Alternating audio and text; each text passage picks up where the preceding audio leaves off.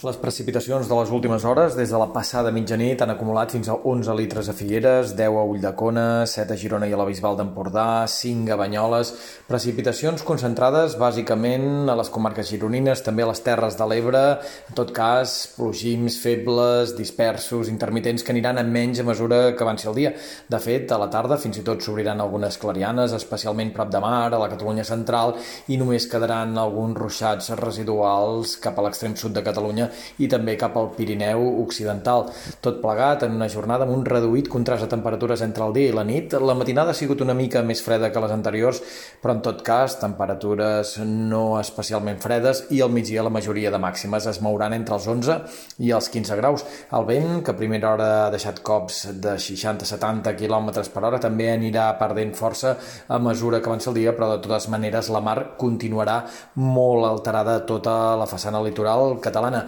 Per demà, una jornada fins i tot amb més núvols que avui, amb precipitacions que poc o molt poden afectar qualsevol indret, però que difícilment deixaran més de 5 o 10 litres per metre quadrat. Demà, temperatures a ratlla, matinada una mica menys freda que la d'avui i altre cop migdia amb ben pocs termòmetres per sobre els 15 graus. I de cara a la setmana vinent no canviem de dinàmica meteorològica, continuarem parlant d'una entrada de vent de component marítim